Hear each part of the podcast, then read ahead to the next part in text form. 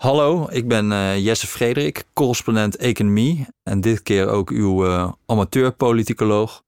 Uh, ja, ik heb een verhaal geschreven over waarom de PVV zo groot kon worden. Het is eigenlijk bijna een boekwerk geworden, dus ga er even voor zitten. 37 zetels voor de PVV. Toe maar. Het was een ongekende verkiezingsuitslag die natuurlijk schreeuwde om een verklaring. En verklaringen kregen we de afgelopen maanden. Onder professionele duiders bleek de neiging groot om de stem op de PVV als een soort politieke pathologie te beschouwen. In een normaal land onder normale omstandigheden, meenden zij, hoort slechts een onbeduidende minderheid op een rechtspopulistische partij te stemmen. Er moet dus wel iets fout zijn gegaan in Nederland, anders zou niemand zich aangetrokken voelen door de gure belofte om Nederland weer voor de Nederlander te maken. Dat mensen op de PVV stemmen zou dus vooral een teken zijn van diep maatschappelijk verval. Een van de meest eloquente vertolkers van dit genre was collega Arjen van Velen. Ze zeiden dat ze zich verweest voelden. We schrapten hun buslijnen, schreef hij in een column voor NRC. Ze zeiden dat ze ontworteld raakten. We flexibiliseerden hun banen. Ze mompelden dat ze vereenzaamden. We verhoogden hun parkeertarieven, verkochten hun huisarts aan de hoogste bieder en verpatsten halve woonblokken aan Blackstone. Ze vroegen om waardige banen. We gaven ze na tien jaar flexibele dienst een doosje merci. De PVV-stem is, met andere woorden, een uiting van breed ongenoegen over de puinhopen van 13 jaar Rutte. We, en als u dit hoort kunt u ervan uitgaan dat u tot de we behoort, hebben het over de hele breedte vernacheld en ze kozen daarom voor de man met de grootste hamer, Geert Wilders. De PVV-stem moeten we blijkbaar anders begrijpen dan een stem op gewone partijen. Op gewone partijen stem je uit overtuiging. Wil je milieubeleid? GroenLinks. Belastingverlaging? De VVD. Beter bestuur? NSC. Maar een stem op de PVV? Een stem op de PVV is een schop tegen de machine. Een ongerichte middelvinger naar boven. Een laatste noodkreet van de verliezers van de moderniteit. Het is op het oog wat ongerijmd om vanwege de toeslagenaffaire, het grootste racistische schandaal sinds de koloniën, al dus van velen, te stemmen op een partij die Marokkaanse Nederlanders het stemrecht wil ontzeggen. Maar consistentie hoef je van de PVV-kiezer ook niet te verwachten. Die krast namelijk in blinde razernij over zijn stembiljet. Als je even over nadenkt, is het behoorlijk bevoogdend. Vergeef het hun, o NRC-lezer, want ze weten niet wat ze doen. Maar klopt het ook? Wat motiveert de PVV om voor de PVV te stemmen? Sympathisanten van de PVV vinden inderdaad vaker dat politici niks geven om het volk, dat politici niet te vertrouwen zijn en dat de belangrijkste beslissingen beter door het volk kunnen worden genomen dan door politici. Geert Wilders is een begenadigd vertolker van zulk populistisch gedachtegoed, waarin een gelijkdenkend volk tegenover een corrupte elite wordt geplaatst. Maar als mensen die met de PVV sympathiseren dat vooral zouden doen uit ongerichte onvrede, dan verwacht je dat PVV'ers weinig inhoudelijke standpunten gemeen hebben, anders dan afschuw over politici. Maar dat is niet het geval. Om een idee te krijgen van wat PVV'ers motiveert, kun je het Nationaal Kiezersonderzoek uit 2021 gebruiken en de bevolking opdelen in vijf groepen, gerangschikt van minder naar meer sympathie voor de PVV. De 20% Nederlanders met de grootste PVV-sympathie blijkt dan verdacht veel standpunten te delen met de PVV. PVV-sympathisanten en kiezers zijn dus niet alleen tegen andere partijen, ze zijn ook uitdrukkelijk voor de ideeën van de PVV. Ze vinden dat vreemdelingen zich moeten aanpassen aan onze cultuur, dat het klimaatbeleid doorslaat en dat de Europese eenwording te snel gaat. Daarmee kom je sowieso snel uit bij de PVV, omdat er niet zoveel grote partijen zijn die dit soort standpunten hebben. Voor wie meent dat PVV-kiezers gemotiveerd zijn door groeiende ongelijkheid, is het interessant te weten dat het economisch geluid van de PVV juist niet onderscheidend is.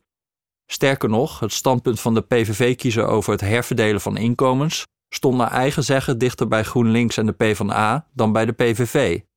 Als verkiezingen een referendum waren geweest over inkomenspolitiek, dan zou de gemiddelde PVV-kiezer het niet bij de PVV zoeken, maar bij links.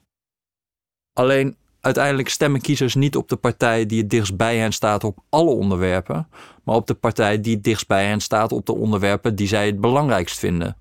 En wanneer je het de PVV-kiezer vraagt, noemen zij niet de kloof tussen arm en rijk, maar veel vaker het migratie- en minderhedenbeleid als belangrijkste thema. De PVV ontlijnt veruit de meeste steun aan kiezers die niet zijn te spreken over de bijdrage van migranten aan ons land. Veel PVV-sympathisanten geloven dat migranten slecht zijn voor de economie, een bedreiging vormen voor de eigen cultuur en criminaliteit veroorzaken. Onder de 40% van Nederland met de minste sympathie voor de PVV vindt slechts zo'n 20% dat er te veel buitenlanders in ons land wonen. Onder de 20% Nederlands met de grootste PVV-sympathie is dat maar liefst 80%.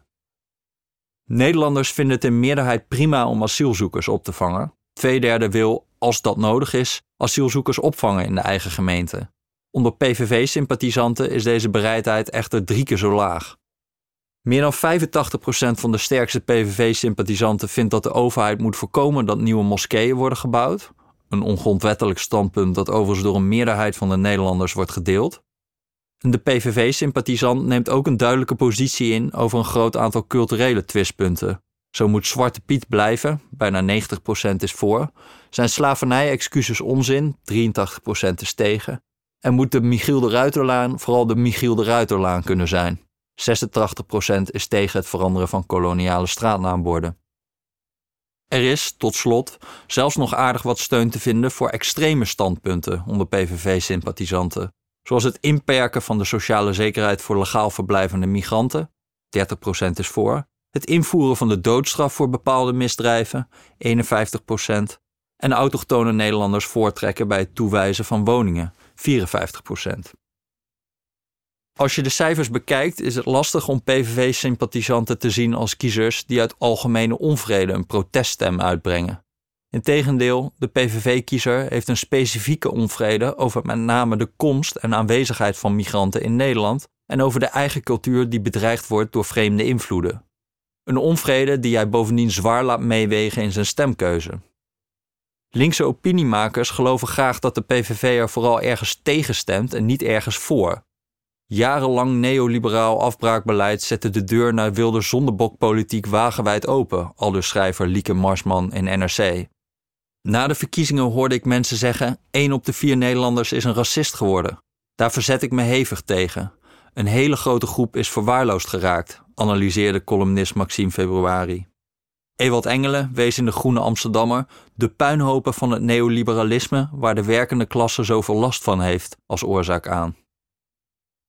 Het is voor deze opiniemakers misschien een troostrijke gedachte dat de grieven van rechtse kiezers zijn te wijten aan de voorkeursproblemen van linkse intellectuelen. Het is ook prettig te geloven dat achter het dunne vernislaagje xenofobie van de PVV-kiezer, die voor de Po-nieuwscamera's verklaart: Ik moet dat volk niet en alles eruit en weg ermee, eigenlijk een hele doorvrochte kritiek op het neoliberalisme schuilgaat. Maar uit kiezersonderzoek blijkt allerminst dat PVV-kiezers gemotiveerd worden door bezorgdheid over de scheve inkomensverdeling, laat staan neoliberale privatiseringen in de jaren 90. Het is nogal merkwaardig dat opiniemakers die zich opwerpen als boze burgerfluisteraars die de ware intenties van de PVV-kiezer doorgronden, dat vooral doen door de stemverklaringen van PVV-kiezers uit te gummen en hun eigen politieke voorkeuren op hen te projecteren. Draait eens om. Wat als PVV-ideoloog Martin Bosma opeens de D66-stem gaat verklaren als vals klassebewustzijn? Een P van de A-kiezer die zegt armoedebestrijding bedoelt eigenlijk asielstop. Tamelijk potsierlijk. Onderzoekers Meindert Venema en Wouter van der Brug merkten 15 jaar geleden dan ook eens op dat de meest voor de hand liggende verklaring voor een stem op een anti-immigratiepartij, namelijk dat mensen tegen immigratie zijn, onder politicologen niet erg populair is, omdat veel onderzoekers het moeilijk te geloven vinden dat kiezers rationeel zouden stemmen op wat zij zelf racistische of neofascistische partijen vinden. Het is blijkbaar een onverteerbare gedachte dat de PVV-stemmer volledig toerekeningsvatbaar is en simpelweg stemt op standpunten die hem of haar bevallen. En dus krijgen we duizend en één variaties op het thema maatschappelijk verval, die de plotselinge opmars van de rechtspopulistische stem zouden moeten verklaren. De politicologische literatuur wemelt van het onderzoek waarin werkloosheid, globalisering, bezuinigingen of andere vormen van economische malaise worden gerelateerd aan de opmars van het rechtspopulisme. Het is zo'n beetje de meest onderzochte verklaring voor de groei van het rechtspopulisme. Maar het empirisch succes van dit type onderzoek is nogal beperkt. De eerlijkheid gebiedt te zeggen dat de verklarende kracht van economische onzekerheid voor de opkomst van het populisme bescheiden is, stelt politiek wetenschapper Jota Margalit vast in een bespreking van dit onderzoeksveld. Een goed voorbeeld is politiek wetenschapper Catherine de Vries, die in het Financiële Dagblad claimt dat alleen Een harde kern van PVV-stemmers is gemotiveerd door anti-migratiesentiment. Een belangrijke drijfveer van de PVV-kiezer is volgens de Vries de uitholling van publieke voorzieningen. Daarbij verwijst ze naar haar eigen onderzoek over regionale bezuinigingen in Italië tijdens de financiële crisis. Rechtspopulisten profiteerden, blijkens haar onderzoek, van enorme bezuinigingen op vuilnisophaaldiensten en agenten. Maar blijkt dat werkelijk uit haar eigen onderzoek? Zelfs als je de wat wankele theorie accepteert, best een vreemd verhaal dat mensen gaan stemmen op Lega Noord vanwege bezuinigingen van Lega Noord. Het onderzoek weet slechts 0,4 procentpunt van het toegenomen stemaandeel voor rechtspopulisten te verklaren.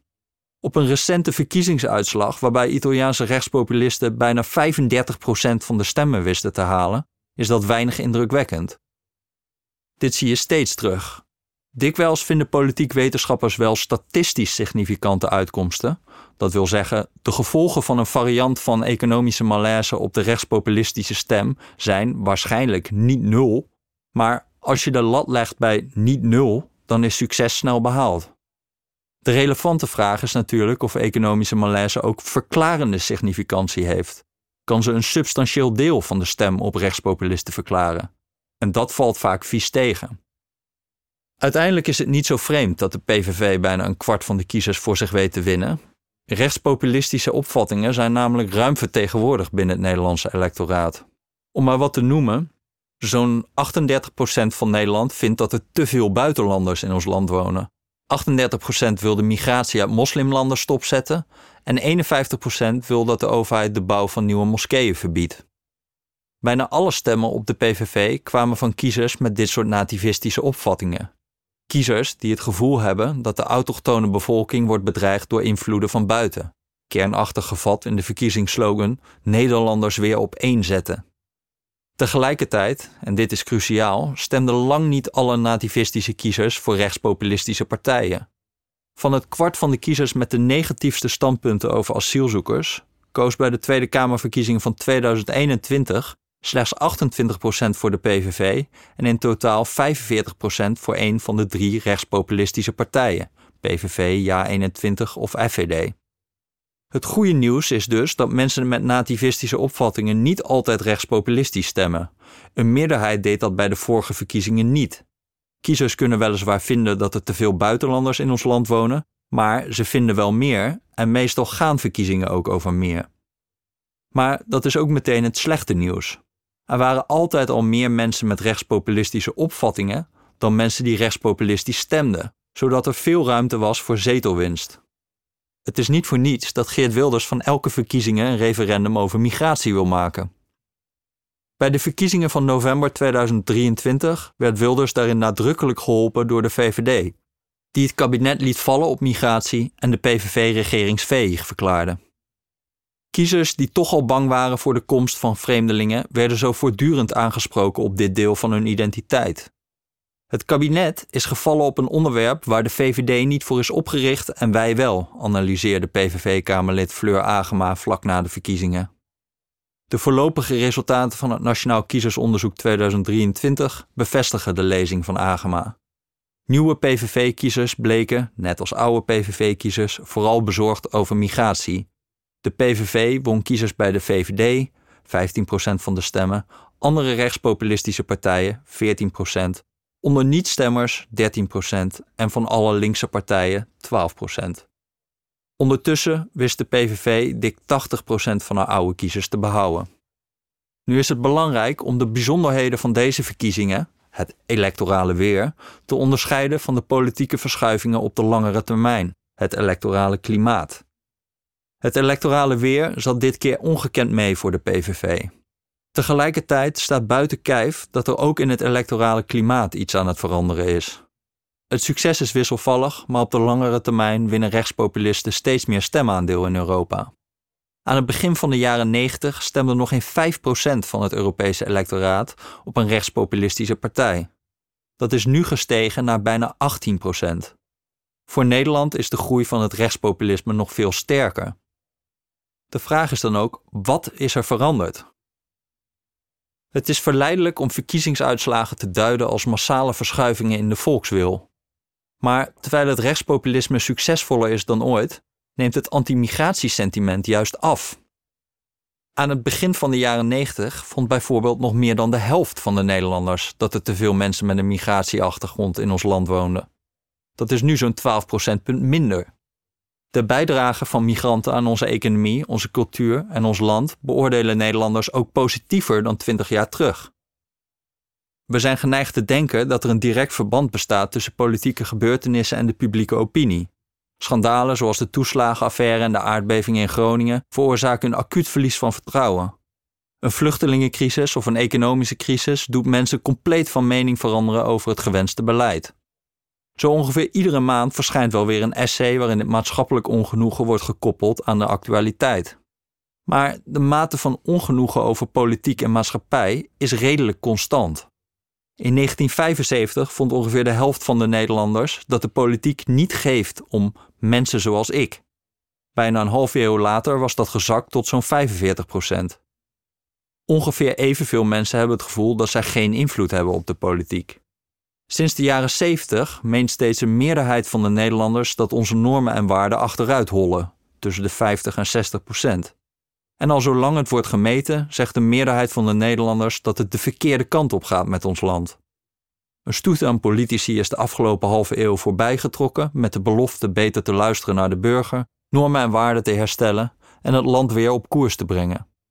Het heeft niet mogen baten. Ook de inhoudelijke opvattingen van het electoraat zijn in de afgelopen vier decennia niet of nauwelijks verschoven. We denken over herverdeling, meer of minder, criminaliteit, harder of minder hard straffen, integratie, aanpassen aan onze cultuur of behouden van eigen cultuur, en Europa, federalisme of decentralisatie, grofweg hetzelfde als 30 jaar geleden. Dat is best eigenaardig, aangezien er toch het nodige is gebeurd in de afgelopen drie decennia. Nu zijn er ook onderwerpen waar meningen wel zijn veranderd: euthanasie, abortus en homorechten bijvoorbeeld. Maar over het algemeen lijken politieke opvattingen gegrond in diepe overtuigingen die nauwelijks vatbaar zijn voor verandering. Dit geldt ook voor het standpunt over migratie. Mensen veranderen hierover nauwelijks van mening. De beste bron hiervoor, en de enige bron, is het LIS-panel, dat probeert een willekeurige groep Nederlanders meerdere jaren te volgen. Als je de stellingen in het listpanel over migranten en migratie samenbalt tot één schaal van anti-migratiesentiment, dan zie je dat ondervraagden ongeveer eindigen waar ze begonnen. Zo'n 70% van de ondervraagden was over een periode van 10 jaar, dwars door alle politieke stormen heen, niet meer dan een half punt verschoven op een schaal van 1 voor pro-migratie tot 5 anti-migratie. Ongeveer 94% bewoog niet meer dan 1 punt. Vrijwel niemand, slechts 4%, veranderde in 10 jaar tijd van een fel anti-migratiestandpunt naar een pro-migratiestandpunt of andersom. Socioloog Inge Hendricks onderzocht op basis van hetzelfde listpanel of werkloosheid, inkomensverlies of baanonzekerheid dan de schaarse variatie in veranderend anti-migratiesentiment kon verklaren. Maar nee, ook daar was geen aanwijzing voor. Onze resultaten suggereren dat we er niet vanuit kunnen gaan dat attitudes ten aanzien van etnische minderheden vatbaar zijn voor verandering, constateert Hendricks droogjes. Als je giftig populisme wil bestrijden, begin bij de bron. Neoliberale guurheid, schreef Arjen van Velen op de correspondent. Onzekere mensen worden xenofober. Maar van een opmars van de xenofobie is geen sprake. Nog bekeren onzekere mensen zich vaker tot de xenofobie. De meeste mensen vinden in gebeurtenissen vooral een bevestiging van wat ze toch al vonden. Wat dat betreft zijn columnisten net mensen. De publieke opinie is dus lang niet zo veranderlijk als onze verkiezingsuitslagen doen vermoeden. Dat geldt niet alleen in Nederland, maar in heel Europa. De zogenaamde golf van rechtspopulistisch sentiment in Europa is eerder een reservoir, stelt politicoloog Larry Bartels vast op basis van uitgebreid Europees opinieonderzoek. Nederland heeft in vergelijking met andere Europese landen een relatief klein rechtspopulistisch reservoir, laat Bartels zien. We zijn in Nederland misschien niet zo progressief als in Noorwegen, maar toch aanzienlijk migratievriendelijker dan in landen als Spanje en Portugal, laat staan Polen en Hongarije. Tegelijkertijd zijn Nederlandse rechtspopulisten aanzienlijk succesvoller dan hun Spaanse en Portugese collega's. De omvang van het reservoir aan rechtspopulistisch sentiment zegt dan ook niet zoveel over de mate waarin rechtspopulisten succesvol zijn. In Nederland is het reservoir klein en slinkend bovendien, maar het reservoir is diep genoeg om zelfs als je maar een klein deel weet af te tappen, een enorme verkiezingszege te boeken. De echte vraag is dus niet hoe het mogelijk is dat een rechtspopulistische partij kan winnen. De echte vraag is waarom rechtspopulisten nu pas winnen, gezien de vruchtbare voedingsbodem die er altijd al is geweest. Dus nogmaals de vraag: als de publieke opinie niet of nauwelijks is veranderd, wat is er dan wel veranderd? Politiek wetenschappers Oren Danieli en Noam Gidron hebben met nog twee collega's in een vernuftig onderzoek gepoogd de bronnen van de toegenomen steun voor rechtspopulistische partijen in Europa tussen 2002 en 2020 te ontleden. Twee factoren blijken in hun analyse doorslaggevend. De eerste, dat er überhaupt rechtspopulistische partijen meedoen aan verkiezingen. De tweede, dat kiezers meer gewicht toekennen aan hun culturele in plaats van hun economische voorkeuren. Mensen waren voorheen minstens zo gefrustreerd over de komst en aanwezigheid van vreemdelingen als nu. Alleen nu komt het ook tot uiting in het stemhokje. Wie nog eens gaat grasduinen in oude peilingen, ziet dat in de jaren 70, de hoogtijdagen van het linkse levensgevoel, Nederlanders ook niet enthousiast waren over de komst van vreemdelingen. In een NIPO-peiling uit maart 1972 zei maar liefst driekwart van de Nederlanders dat er een visumplicht voor Surinamers moest komen. Hartstikke ongrondwettelijk. En op de vraag of gastarbeiders in Nederland weg moesten of mochten blijven, antwoordde in datzelfde jaar 51% van de Nederlanders dat ze weg moesten. Maar kiezers waren in die tijd vooral gesorteerd in partijen op basis van hun economische standpunten en hun levensbeschouwing. Niet op grond van hun mening over migranten. Het was dus niet zo dat PvdA-kiezers, 71% voor een visumplicht, in 1972 wel enthousiast waren over de komst van Surinamers en VVD-stemmers niet, 75% voor een visumplicht. Nee, zowel linkse als rechtse kiezers waren in meerderheid tegen de komst van Surinamers. Dat was tien jaar later nauwelijks veranderd. In 1982 meende 40% van de PvdA-kiezers dat autochtone Nederlanders minder hulp en rechten kregen dan Surinamers, Turken en Marokkanen. Dat was iets meer dan binnen het CDA, 35%, en iets minder dan bij de VVD, 41%. Anti-migratiekiezers waren, kortom, over alle grote middenpartijen verspreid. Dit had ook belangrijke gevolgen voor de stellingnames van politieke partijen. Het ideologisch pakket dat een partij aanbiedt is vaak een afgeleide van het onderwerp dat kiezers het zwaarst meewegen in hun stemkeuze. In de tijd was dat vooral de economie. Als kiezers die meer herverdeling willen bijvoorbeeld ook meestal tegen de Vietnamoorlog zijn, dan is het voor een linkse partij opportun om ook tegen de Vietnamoorlog te zijn. Maar als kiezers die meer herverdeling willen even vaak gastarbeiders willen toelaten als terugsturen, dan is het voor een linkse partij niet aantrekkelijk om een standpunt over gastarbeiders in te nemen. Daarmee zou je immers de eigen achterban in tweeën splijten. Je kunt dan beter je mond houden over migratieproblematiek. Op eenzelfde manier heeft de PVV vandaag de dag een vaag economisch profiel en een duidelijk migratiestandpunt. Haar achterban denkt namelijk eensgezinder over migratie dan over economie. Omdat nativistische standpunten matig overlappen met economische standpunten, was het voor geen van de grote middenpartijen in de jaren 70 voordelig migratie te politiseren, om verschillen tussen partijen uit te vergroten. Beleidsvorming werd, in de beste Nederlandse traditie, uitbesteed aan ambtelijke overlegorganen en wetenschappelijke adviesraden. In de praktijk ontstonden daardoor tegenstellingen tussen de met de mond beleden stellingnames Nederland is geen immigratieland en het in de praktijk gevoerde beleid. Een geleidelijke verruiming van de gezinshereniging, een generaal pardon voor gastarbeiders en geen restricties op de komst van Surinamers. Het maakte daarbij weinig uit of het nu het linkse kabinet Den Uyl of het rechtse kabinet Lubbers was. Dus Waar moest een Nederlander met rechtspopulistische standpunten heen? Helaas werden vragen over migratie pas vanaf begin jaren 90 gesteld in het kiezersonderzoek. Maar uit dit onderzoek blijkt in ieder geval dat een groot deel van de Nederlanders met anti-migratiestandpunten simpelweg niet kwam opdagen bij verkiezingen. Hun onvrede had geen electorale uitlaatklep. Of nou ja, er was natuurlijk wel de Centrumpartij van 1980 tot 1986 en de Centrumdemocraten 1984 tot 1998 van de rechtspopulist Hans Janmaat. Verder dan drie zetels in 1994 zou die partij echter nooit komen. Hoewel ze in november 1993 eventjes op negen zetels peilde. Dat is wel verwonderlijk, aangezien de voedingsbodem voor rechtspopulisme er toen ook al was. Dus wat verklaart dat Jan Maat nooit succesvol werd? In de eerste plaats de persoon Hans Jan Maat zelf. Jan Maat was een paranoïde querulant die verkiezingsnederlagen weet aan fraude met stemcomputers, wat dat betreft zijn tijd ver vooruit, en die voortdurend in de clinch lag met mensen om hem heen. Een affaire met de vrouw van een bestuurslid, nooit handig. Tegelijkertijd werd Jan Maat ook vakkundig door politieke en culturele elites afgesloten van politieke zuurstof. De vaak felle bestrijding van Hans-Jan Maat heeft waarschijnlijk een flinke bijdrage geleverd aan het ontbreken van enig succes voor de Centrumpartij en de Centrumdemocraten, constateert historicus Jan de Vette in zijn proefschrift over de op vele fronten gevoerde strijd tegen Jan Maat. Jan Maat stond bij herhaling in de rechtszaal vanwege opiniedelicten en werd verschillende keren veroordeeld tot flinke geldboetes vanwege discriminerende uitingen. Hij had bijvoorbeeld gezegd de multiculturele samenleving af te willen schaffen. Eind jaren 90 dreigde zelfs uitsluiting van subsidies en gratis zendtijd voor partijen met een veroordeling voor discriminatie. Jan Maat besloot hierop de slogan van zijn partij te veranderen. De Centrumdemocraten, u weet wel waarom. Bijeenkomsten houden was voor de Centrumdemocraten nogal een opgave. Burgemeesters verboden beraadslagingen en demonstranten verstoorden ze.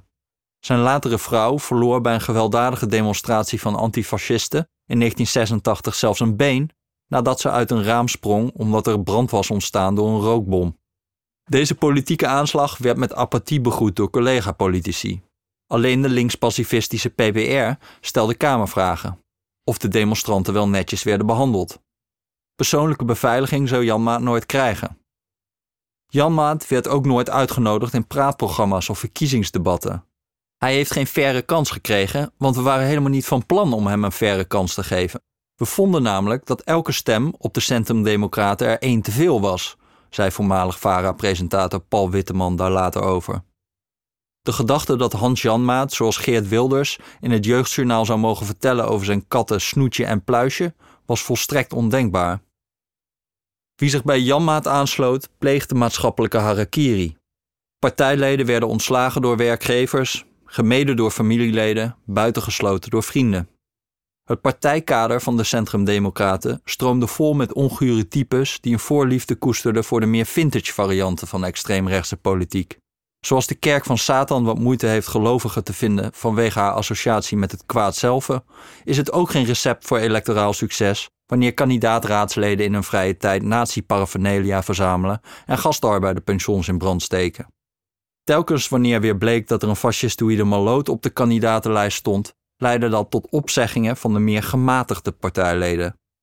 Gevraagd waarom zijn partij zoveel criminele types aantrok, zei Jan Maat eens: Anderen kun je niet vinden, want mensen met onbesproken gedrag willen graag onbesproken blijven. Economen spreken in dit verband wel van entreebarrières. Hoe moeilijk is het voor nieuwkomers om een markt te betreden? In dit geval de politieke markt. Entreebarrières zijn er natuurlijk voor alle nieuwe politieke bewegingen het is nu eenmaal lastig een partij te organiseren, geld te werven, personeel te vinden en bovenal aandacht te krijgen. In het vijandige maatschappelijke klimaat van de jaren 80 en 90 waren de entreebarrières voor rechtspopulisten echter nog een stuk hoger dan voor andere partijen. Vruchtbare electorale grond bleef zo dus braak liggen. Het was te moeilijk om een functionerend politiek bedrijf van de grond te krijgen. Voor Nederlanders met antimigratiestandpunten die op een enigszins respectabele partij wilden stemmen, was alleen de VVD van Frits Bolkestein over. Bolkestein was begin jaren 90 als eerste mainstream politicus kritiek gaan leveren op de consensus over migratie, door, naar huidige maatstaven, milde kritiek te uiten op het integratie- en immigratiebeleid. In de jaren 90 wist de VVD verkiezingswinsten te boeken door met name antimigratiekiezers te mobiliseren. In 1994 noemde maar liefst de helft van de kiezers minderhedenproblematiek als een van de grote verkiezingsthema's. De omstandigheden hielpen daar ook mee. De economische malaise van de jaren 80 was gaan liggen, zodat er ruimte kwam voor andere politieke onderwerpen dan werkgelegenheid en economie. Bovendien vroegen gedurende de jaren 90 aanzienlijk meer mensen asiel aan dan in voorgaande jaren. Bolkestein muntte zijn verkiezingswinst ook in strengere migratiewetgeving. Voor het eerst sinds de Tweede Wereldoorlog maakte het asielbeleid een restrictieve wending. De VVD zou bij de volgende verkiezingen voor deze beleidsinspanningen echter niet beloond worden door de anti-migratiekiezer. Het is sowieso merkwaardig dat de anti-migratiekiezer eigenlijk nauwelijks reageert op beleidsveranderingen. Politiek wetenschapper Alexander Koestov laat zien dat er geen verband is tussen de ruimhartigheid of restrictiviteit van het migratiebeleid en het rechtspopulistische stemaandeel. Toen Pim Fortuyn rond de eeuwwisseling het politieke speelveld betrad, verloor de VVD vrij snel haar status als dé anti-immigratiepartij. Fortuyn had een duidelijker anti-migratieverhaal dan de VVD, die nooit volledig op de vol is vol tour kon gaan, omdat ze daarmee een aanzienlijk deel van haar achterban van zichzelf vervreemde. Fortuyn vond de formule voor een salonveeïger rechtspopulisme. Hij maakte geen onderscheid op ras, zoals Jan Maat soms deed door bijvoorbeeld te klagen over de hoeveelheid gekleurde spelers in het Nederlands elftal, maar op cultuur, waarbij vooral de islam het moest ontgelden. Dan maakte zijn standpunten ook moeilijker weg te zetten als onwelriekend racisme. Het was namelijk vooral een radicalisering van wat Bolkestein al voor hem zei en deed. Belangrijker nog, Fortuyn werd niet als een melaatse behandeld door de media. Integendeel, primetime was pimtime, constateerde historicus Hans Cunet een jaar na Fortuins dood. Deels lag dit aan het charisma van Fortuyn, maar deels ook aan veranderingen in het mediabestel. Waar de media in de decennia na de oorlog nog werden gedomineerd door politiek gekleurde omroepverenigingen en kranten, was de sector in de jaren voor de eeuwwisseling steeds verder gecommercialiseerd. Zo werd in 1989 de eerste commerciële omroep, RTL, toegelaten tot het bestel. Enkele jaren later volgde SBS. Professor Pim zou in de jaren 90 veelvuldig optreden in het RTL-programma Business Class. De commerciële omroepen bleken een aantrekkelijk product te leveren. Het marktaandeel van de publieke omroep liep al snel terug van 100% in de jaren 80 naar zo'n 40% in 1998. Door de toegenomen concurrentie veranderden media steeds meer van aanbod gedreven. Journalisten maken de verhalen die zij graag lezen, kijken en luisteren, naar vraaggedreven ondernemingen. Lezers, kijkers, luisteraars krijgen de verhalen die zij willen lezen, kijken en luisteren. Wat dat betreft is sociale media ook geen radicale breuk met het verleden, maar een stap in een trend die al langer neigt naar een meer vraaggedreven informatievoorziening. Het publiek krijgt meer van wat zij wil, en dat is niet politiek die meer op een academische seminar gaat lijken. Pim Fortuyn en vele rechtspopulisten na hem gedijen uitstekend in zo'n vraaggedreven mediasysteem.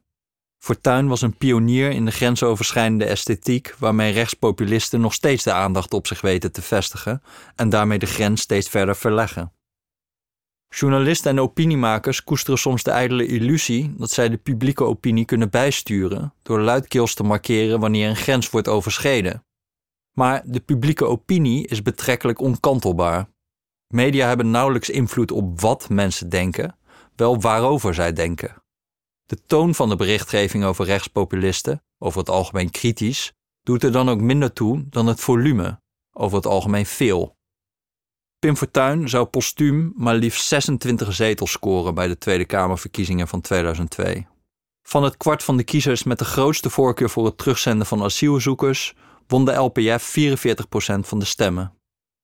LPF-stemmers waren vooral afkomstig van de VVD 38,1%, linkse partijen 32,1% en niet-kiezers 21,6%.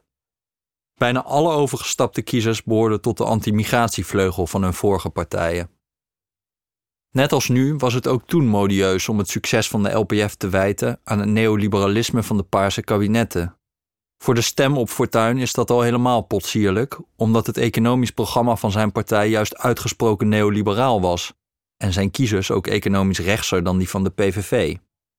Niet voor niets was een van de eerste wapenfeiten van Fortuins gemeentelijke partij Leefbaar Rotterdam het voor bodemprijzen overdragen van gemeentelijk grondbezit aan steenrijke vastgoedeigenaren. Politieke verandering komt vaak niet doordat mensen overtuigd raken van nieuwe standpunten. Goed verhaal van die Fortuin. Migranten zijn eigenlijk helemaal niet oké. Maar doordat latente opvattingen worden geactiveerd. Eindelijk iemand die de waarheid durft te zeggen over die buitenlanders. De doorbraak van Fortuyn en Wilders na hem heeft ervoor gezorgd dat antimigratiestandpunten nu mee worden genomen naar het stemhokje. Hierdoor zijn kiezers zich in toenemende mate gaan hersorteren op grond van een migratiestandpunt. De linkse kiezer met anti-migratiestandpunten is vrijwel verdwenen. Van het kwart van de kiezers met de sterkste voorkeur voor het terugzenden van asielzoekers wisten linkse partijen bij de Tweede Kamerverkiezingen van 1994 nog ongeveer 42% voor zich te winnen. Bij de verkiezingen van 2021 was daar nog maar 14% van over. De economische standpunten van links zijn nog steeds populair. Niet voor niets noemde Mark Rutte Nederland in de kern diep socialistisch. Maar ze zijn niet meer doorslaggevend in de stemkeuze. Voor met name praktisch opgeleide kiezers weegt de ideologische kloof met links op culturele thema's zwaarder dan de overeenkomsten op economisch gebied. Uit voorlopige resultaten van de laatste verkiezingen van 2023 blijkt dat links alleen de stem van academisch gescholden behield en opnieuw terrein verloor bij praktisch opgeleiden. De laatste keer dat linkse partijen zo weinig zetels behaalden was bij de Tweede Kamerverkiezingen in 1925. Dus wat te doen? Zolang migratie de politieke agenda domineert, is het kaartspel ten gunste van rechts geschud. Links moet ervoor zorgen dat sociaal-economische thema's de agenda domineren, zodat kiezers de verkiezingen als een referendum ervaren over eerlijk delen, schrijft politicoloog Simon Otjes. In theorie is dat volkomen juist, maar de vraag is wat links precies kan doen om van verkiezingen een referendum over eerlijk delen te maken. GroenLinks PvdA-fractievoorzitter Frans Timmermans riep ongeveer elk verkiezingsdebat dat het minimumloon naar 16 euro moest. En de SP voeterde als vanouds op marktwerking in de zorg, de woningmarkt en de energiesector. Het mocht niet baten. Het is vloeken in de kerk, maar misschien is het ook niet helemaal verwonderlijk dat het moeilijker is geworden om economische thema's bovenaan de agenda te krijgen. De werkloosheid staat inmiddels op het laagste niveau sinds begin jaren 70. En dat bestaanszekerheid als thema meer beklijft in 1985, toen 22,4% van de Nederlanders onder de armoedegrens leefde, dan in 2023, toen nog maar 3,8% arm was, is misschien ook niet helemaal verwonderlijk. Nederland is in de afgelopen decennia een veel rijker land geworden. Het toegenomen gewicht dat wordt toegekend aan culturele thema's is misschien dan ook niet zozeer het gevolg van economische malaise, als wel van economische voorspoed.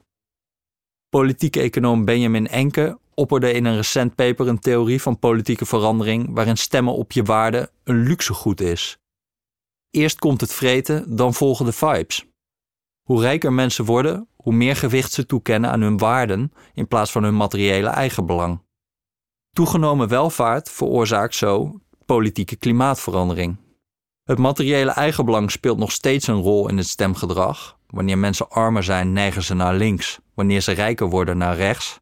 Maar tegelijkertijd kunnen mensen met meer inkomen, en dat zijn dus steeds meer Nederlanders, het zich veroorloven te stemmen op hun waarde in plaats van hun portemonnee. Zie het zo: de achterban van links bestond vroeger uit academisch gescholden met cosmopolitische waarden en uit praktisch gescholden met nativistische opvattingen. De academische cosmopolieten stemden links omdat ze rijk genoeg waren om op hun waarde te stemmen, maar weer niet zo rijk waren dat ze economisch rechts werden. En de praktisch gescholden waren te arm om op hun nativistische waarden te stemmen en stemden dan ook, bij gratie van hun economische klasse, links. Maar naarmate Nederland welvarender werd, ontstond bij praktisch opgeleiden de wens om te stemmen op een partij die hun culturele voorkeuren deelt, anti-migratie-vibes, en bij academisch gescholden de hang naar steeds verfijndere postmateriële behoeftebevrediging, bijvoorbeeld pro-Europa en meer natuur. Aangezien de entreebarrières zijn afgenomen, zijn er steeds meer politieke ondernemers die de electorale markt betreden om in de politieke vraag te voorzien. U wilt milieu, GroenLinks. Dierenrechten, Partij voor de Dieren. Minder discriminatie, bijeen. Europa, D66. Meer Europa, Volt. Een onverdund anti-migratiegeluid, PVV. Met een vleugje complot en een bruin sausje, Forum voor Democratie. Zonder complot, maar met belastingverlaging, Ja 21. Met complot en met belastingverlaging, BVNL. In het verleden konden de grote middenpartijen polariserende onderwerpen zoals migratie smoren in achterkamertjes. Maar inmiddels wemelt het van de politieke partijen die een gevestigd belang hebben bij de politisering van de culturele as. De PVV wil nativistische kiezers mobiliseren door elk onderwerp te verbinden aan migratie. D66 en GroenLinks activeren cosmopolitische kiezers door zulke abjecte meningen niet onweersproken te laten en te hameren op de naderende klimaatkladderendatch. Voor het electoraal succes van het linkse blok is de culturele hersortering slecht nieuws, maar voor individuele linkse partijen is het dat niet. Nu kan een economische crisis of een wereldwijde pandemie tijdelijk verandering brengen in de prioriteiten van kiezers. Politiek sociologen Take Sipma en Carl Berning tonen met Europees verkiezingsonderzoek aan dat rechtspopulisten vaak niet profiteren van een zwakke economie, omdat economische kwesties dan de aandacht wegnemen van migratiethema's. Tegelijkertijd zijn dit schommelingen in het electorale weer die plaatsvinden tegen een achtergrond van politieke klimaatverandering, waardoor culturele en postmateriële thema's almaar groter gewicht krijgen. Kan af en toe regenen, maar door de bank genomen wordt Nederland almaar rijker. Op het eerste oog is het een wat paradoxale conclusie. De electorale voedingsbodem voor rechtspopulisme is in Nederland relatief klein en slinkend. En toch is het rechtspopulisme hier al jaren aan de winnende hand. Rechtspopulistische partijen slagen er steeds beter in om standpunten te converteren in stemmen.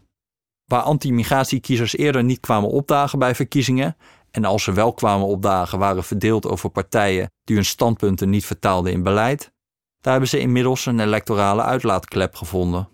Afgehaakt Nederland is aangehaakt. Dat komt in de eerste plaats doordat de politieke entreebarrières voor rechtspopulisten zijn afgenomen. Tot de eeuwwisseling waagde politiek talent zich niet aan rechtspopulisme. Wie beloofde Nederland weer voor de Nederlander te maken, wist zeker dat hij een maatschappelijke paria zou worden. Dat is inmiddels wel veranderd. Het succes van rechtspopulisten heeft hen gelegitimeerd. Tegelijkertijd bindt economische klasse kiezers steeds minder aan partijen. Kiezers wegen hun culturele opvattingen zwaarder ten opzichte van hun economische standpunten.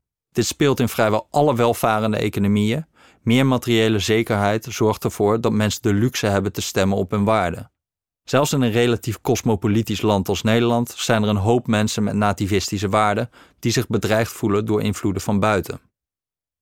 Opiniemakers en wetenschappers die vertrekken vanuit de gedachte dat rechtspopulisme in een normaal land onder normale omstandigheden nooit groot zou kunnen zijn, slaan dan ook de plank volledig mis.